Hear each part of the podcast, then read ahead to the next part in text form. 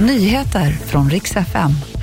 Det ska bland annat handla om ett SAS-plan som fick nödlanda på Arlanda nu på eftermiddagen och om hot om bojkott mot Israel i Eurovision Song Contest. Vi börjar med att det brinner i Upplands Väsby. Det ska röra sig om kraftig rökutveckling från en lägenhet. Enligt uppgifter ska det inte finnas någon person i alla fall inne i flerfamiljshuset och räddningstjänst ska finnas på plats.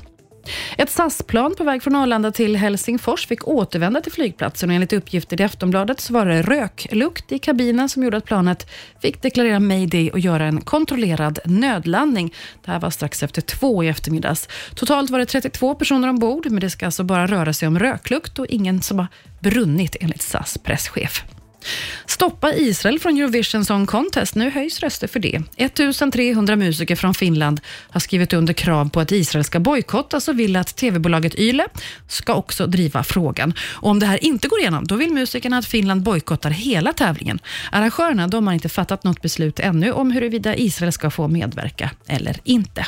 Och Det var nyheterna. Jag heter Maria Granström.